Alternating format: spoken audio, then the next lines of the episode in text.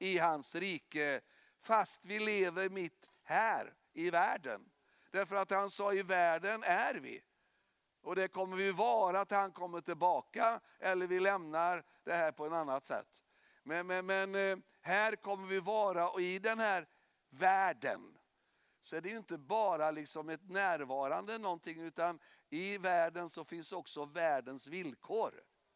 Det är de allmänmänskliga villkoren som råder där. Men i Guds rike råder någonting annat. där råder Gud. Och just därför att han råder där så kan andra saker hända där mitt i världen. Och, och det var det här bilden var så underbar på lärjungarna. Va? När de då först var med om ett mirakel de inte trodde var möjligt. Och de fick vara med om det här med att dela ut brödet och fiskarna. Och, och de var ju en del av det. De stod ju inte bara som åskådare, de var aktiva. Det var de som bar ut alla de här brödbitarna och, och såg ju att de aldrig tog slut. Va? Eh, utan du såg ju att det bara mättade fler och fler och fler och, och det blir bara mer och mer över ju mer de käkade. Va? Och, och det var massor av korgar över. Och sedan så får de tilltalet och befallningen att sätta sig i båten och så ska de ut i den här liksom båten och ro för de ska över till andra sidan. Och det var ju allt elände emot dem. Det var mörkt och det var sent och det var motvind och allting. Va? Och så är de där och kämpar och det eh, är som, som vi hörde genom förkunnelsen att de var helt enkelt slut. Alltså de var helt slut. Och det är klart att det är fantastiskt, alltså de satt ju inte och sjöng lovsånger över miraklet de har varit med om.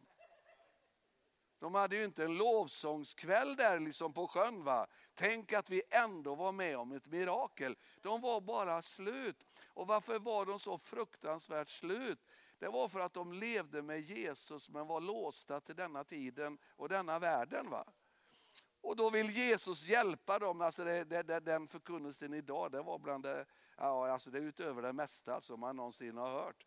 Eh, och, och, och, så kommer då Jesus lite senare, va? för han måste ju ta hand om folket. Och, och han hjälpte ju dem vidare då att kunna liksom ta hand om sin tillvaro. Och så står det att han kommer då efter båten och tänker faktiskt bara dra förbi. Va? Men då ser han ju att hela hans tappra lärjungaskara de han ska luta sig mot och veta det är de här som ska ta verket vidare. Va? Och, och, när han tittar på dem så ser han att det var inte en enda glad människa. Inte ett halleluja, inte ett amen. Tack för undret Jesus. Inte alls, utan de bara kämpar. Och, och då är ju Jesus så underbar så han bromsade upp där. och tänkte att här måste man ju på något sätt hjälpa dem. Va? Och, och, jag tyckte Hans Augustsson fick verkligen måla detta, alltså hela min inre värld. Alltså det, det, det, var en sån enorm bild, just den sekvensen. För den är så tydlig. va. Alltså den kan inte beskriva uppenbarelsen om riket klarare. Va? Alltså båda var, alltså Jesus där och lärjungarna där, de var ju fortfarande en gemensam enhet, en grupp. Va? De hörde ihop, va? de jobbade ihop. De följde Jesus, de trodde på Jesus. De fick vara med om mirakel fast de inte fattade någonting. Va? Alltså, det var ju det som hände. Va? Och så ser de att liksom, de kämpar och sliter och sliter. De hade ju rott i flera timmar står det. Och så kommer han som liksom då dröjde kvar i flera timmar och bara liksom glider förbi. Jag menar det, det var som inte blåsten funkar där. Det var ingen motvind där va. Utan han, han bara går där. Och, och, det är ju liksom ungefär så här då. Att vad Herren vill säga, var vill du leva ditt liv? Vill du leva där i båten eller vill du gå med Jesus där? va? Alltså det, det är egentligen, som jag uppfattar det idag, ett verkligt starkt tilltal till oss som troende församling för den tid som ligger framöver. För tiden framöver kommer att vara präglad av behov. Det kommer att vara hungrade människor som saknar förutsättningar. Det kommer att vara sjuka människor, kommer vara bundna människor. kommer vara människor som verkligen behöver någon som inte bara vill få hem dem. Va? För det var ju det lärjungarna ville. De sa ju det till Jesus, det är ju snart natt, vi måste få hem dem. De måste ju få mat annars dör de. Och då säger Jesus, men ni har ju alla förutsättningar, ge dem mat. Och de fattar ju inte var de förutsättningarna var någonstans. Va? Nej. Och det är vår utmaning med. Alltså vi, vi måste förstå, vi kan inte bara liksom sucka och beklaga över hur eländigt det är utanför kyrkan. Utan vi måste förstå att, att de utmaningar som finns där, de har Gud tänkt att vi ska möta och betjäna. Men vi kommer aldrig kunna reda ut det. För vi är som lärjungarna, vad hade de? Några bröd och fiskar. Hur långt räcker det liksom? Ja, det räcker ju ingenstans. va. För det var ju en reskost för en liten tonårspojk. Så det är klart att det, vi har inte de förutsättningarna. Men riket, i, i riket finns de förutsättningarna. Så kan, kan vi bara hitta vägen in i riket. Va? Och det är det som är utmaningen. Vi, vi måste, vi, det finns så mycket vi kan höra om som vi aldrig blir en del av. Alltså det, det, det, vi måste förstå det att det, finns någonting, du har hört mig berätta om det tidigare, men alltså jag, jag kom ju till tro genom att jag bad. Och jag hade bett innan så att säga jag officiellt blev frälst. Därför att bön fanns i mitt liv, för jag trodde på Gud. Jag fattade inte med att Jesus fanns. Jag trodde att han hade funnits. Men han dog och då var han borta för mig. Eh, men Gud trodde jag på och jag trodde Gud var god också. Jag förstod mig inte på han och jag visste inte hur man skulle få kontakt med honom på det sättet med relation och sånt. Det hade man aldrig hört men jag hade ändå lärt mig be. Va? Och jag bad ju, när bad man? När man naturligtvis var i kris va? Och, och när man hade svårt. Och utifrån detta då så, så var ju bön inte obekant. va? Utan det var ju någonting som, ja, jag menar vem, kan inte be? Alla kan ju be. va? Det är, det är ungefär som att vi bara ropar på hjälp. Va? Det, det är ju det det handlar om. Sen riktar vi det mot lite olika ställen. Men, men, men eh, i, i det där då, så, så du vet, det står ju vid ett sammanhang också i, i Lukas där att när Jesus bad, då frågade lärjungarna, kan inte du hjälpa oss att be också? Fast de också hade bett i hela sitt liv. Och just det där att man kan höra något, man kan vara i något utan att verkligen få fatt på någonting. Va? Och Det var den erfarenhet jag fick göra den gången jag var i Korea. Jag satt där på läktaren och, och jag var där med ungefär 300-350 från Sverige och Norge. Vi var där på en konferens. Bredvid mig, lite utanför där bänken, satt en koreansk kvinna. Och vi bad oss igenom en hel natt, från klockan 10 till klockan 6 på morgonen. Och efter ett antal timmar där så var det bara så att min uppmärksamhet drogs till henne. Och, och, och, Det var ju som jag förstår Herrens vilja i det där och jag satt bara och betraktade henne. Och när jag sitter och betraktar henne så förstår jag. Hon har funnit en plats med Jesus i bön som jag aldrig hade hittat. Jag hade bett. Jag hade undervisat om bön. Jag hade lett bön. Men för första gången förstod jag, bön är inte i första hand ord. Det är en plats med Jesus. Det är bara en plats med Jesus. Och när man hittar den platsen, då händer någonting med hela ens person. Va? Allting liksom, för att då, då, då är det som att poletten ramlar ner. Va? Och, och, och, det var det vi fick höra genom förkunnelsen i morse också. Då, va? Jesus hade ett träningsprogram för att få dem att få poletten till slut att ramla ner. Va? Och, och, och eh, där är min bön även för kvällen att, att du och jag, vi, vi kan inte tänka utmaningar relaterat till våra förutsättningar. Utan det är utmaningar relaterat till ett liv i riket. Därför att då öppnas helt nya möjligheter. Men då är det någonting som måste justeras upp och det som ska justeras upp här börjar alltid här. För det var det Jesus sa. Det som stänger er här, det är att det är lite problem här. Men, men får ni ordning här, då öppnar sig saker här. Och det är det vi ska be om, att våra hjärtan öppnas på det sättet. Va? Och när han såg människorna fylldes han av medlidande med dem. För de var illa medfarna. De var hjälplösa, som får utan herde.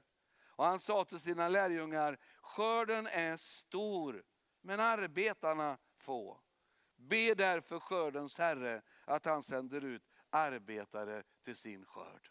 Och det är det, det här jag vill landa ikväll. Därför att det vi ska göra ikväll, det är att vi ska be ut och be loss arbetare till skörden. Och det jag tror att Gud kan så att säga beröra våra hjärtan på lite olika fronter och olika håll med olika innehåll. Och det är därför som jag då sa initialt här att, att jag har bett och förberett en del personer som jag vill ska be eh, och, och, och be utifrån vissa utgångspunkter. Därför att eh, vad vi behöver, det säger Guds ord, vi behöver förebilder. För förebilder och föredömen kan sporra oss.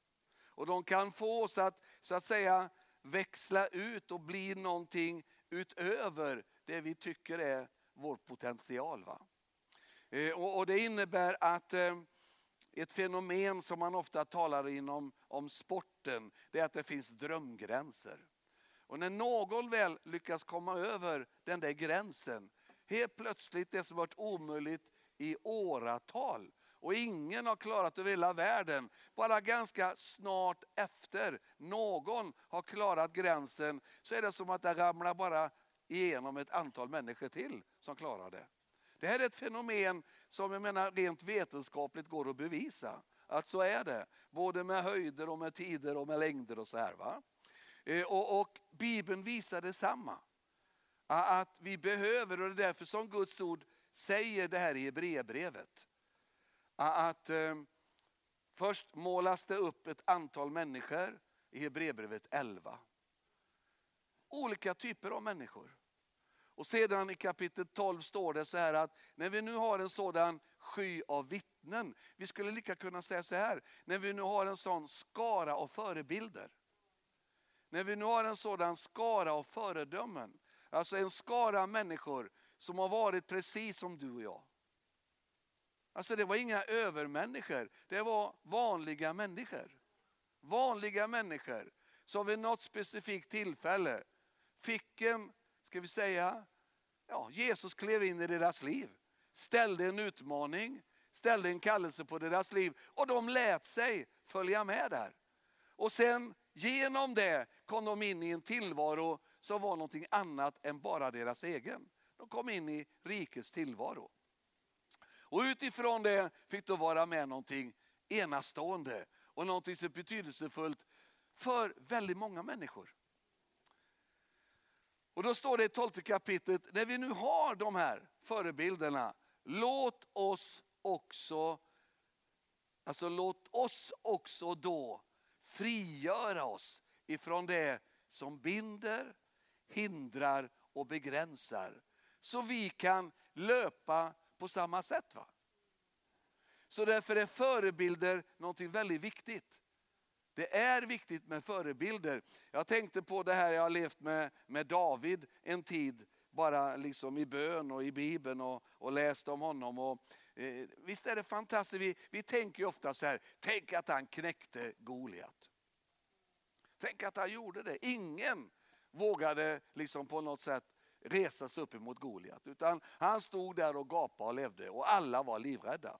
Men det vi ofta glömmer då, det är att ganska kort efter han hade fällt en jätte, så började fler fälla jättar.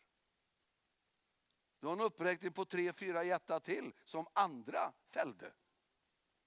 Han sprängde en gräns. Och det är det som jag tror att vi måste på något sätt leva med det perspektivet att jag kan så att säga i mitt hjärta säga, kan, kan du använda den personen? Ja men herre, då kan ju du använda mig också. Jag vill på något sätt följa liksom en sådan utveckling. Ja, jag vill kunna göra det också. Och på samma sätt kan vi ju tänka, jag vill bli en förebild för andra. Jag vill bli en utmaning för andra. Jag vill på något sätt kunna locka upp någonting hos människor som kan säga att ja, men, kan han hantera det där, ja men då kan jag ju det också. För att det är ju ingen större skillnad på honom och mig egentligen. Utan det är ju ett ja till Gud som är skillnaden. Därför att det är ju ingen självklarhet att alla, därför att Jesus kliver in i tillvaron och ger kallelsen, omedelbart gensvarar. Men ändå, alltså, när man läser evangelierna så är det dråpligt. För de flesta som vi läser om där hade ju ingen aning om på morgonen att Jesus kom in och förvandlade deras liv. Utan det står om fiskare som höll på med sina nät där. Och det hade väl de gjort i ganska lång tid. Så helt plötsligt står bara Jesus där och säger, följ mig. Och det står att de reste på sig och började följa. Det står om en tullman där som sitter och jobbar som han har gjort i många år i tullen. Och Jesus bara kliver in och säger att jag har andra planer för dig.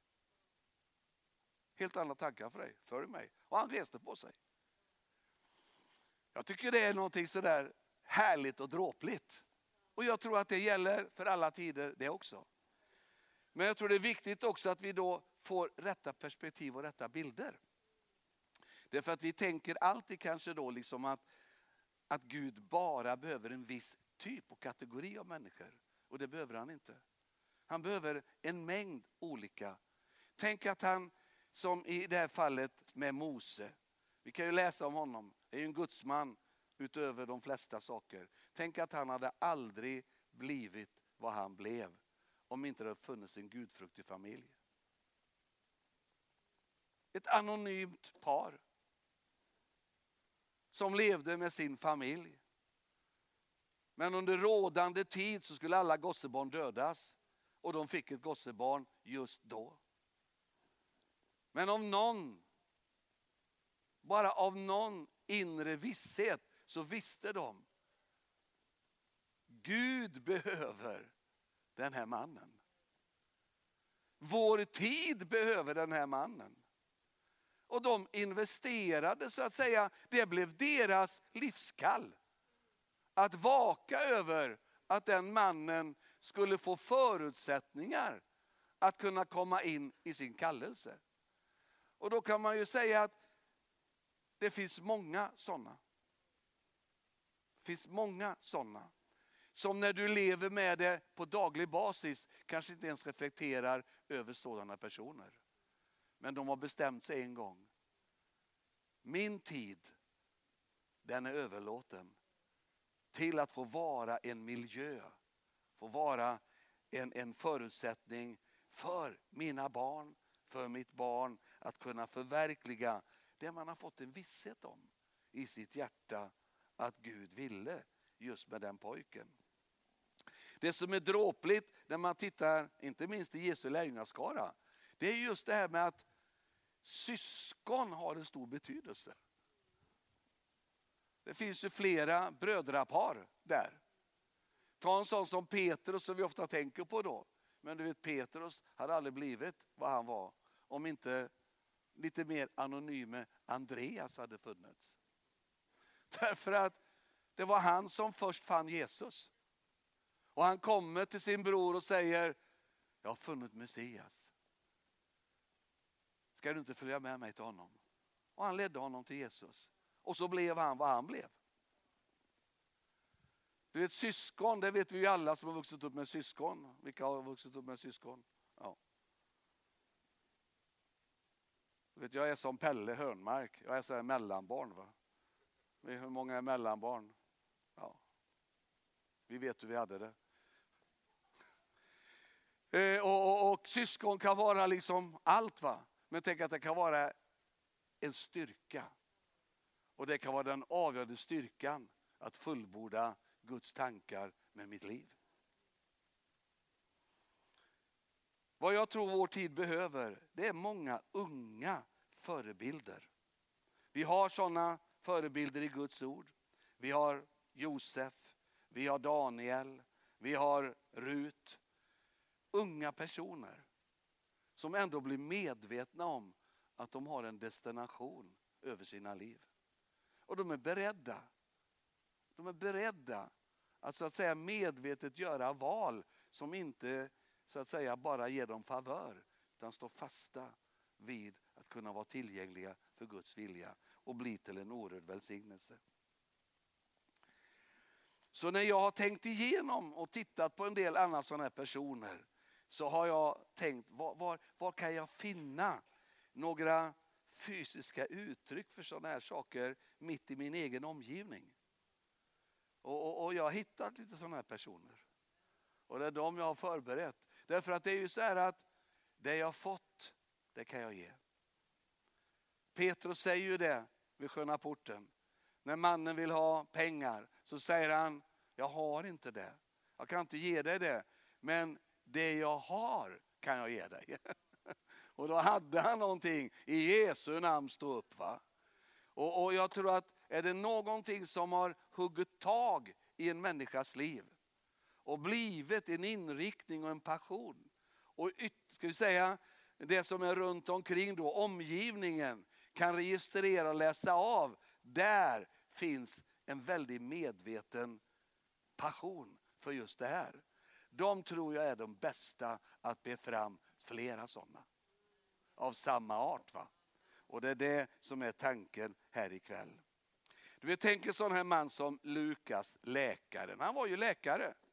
Men någonstans måste han ju bara sprungit på Paulus under resan. Vi vet inte var och när och hur.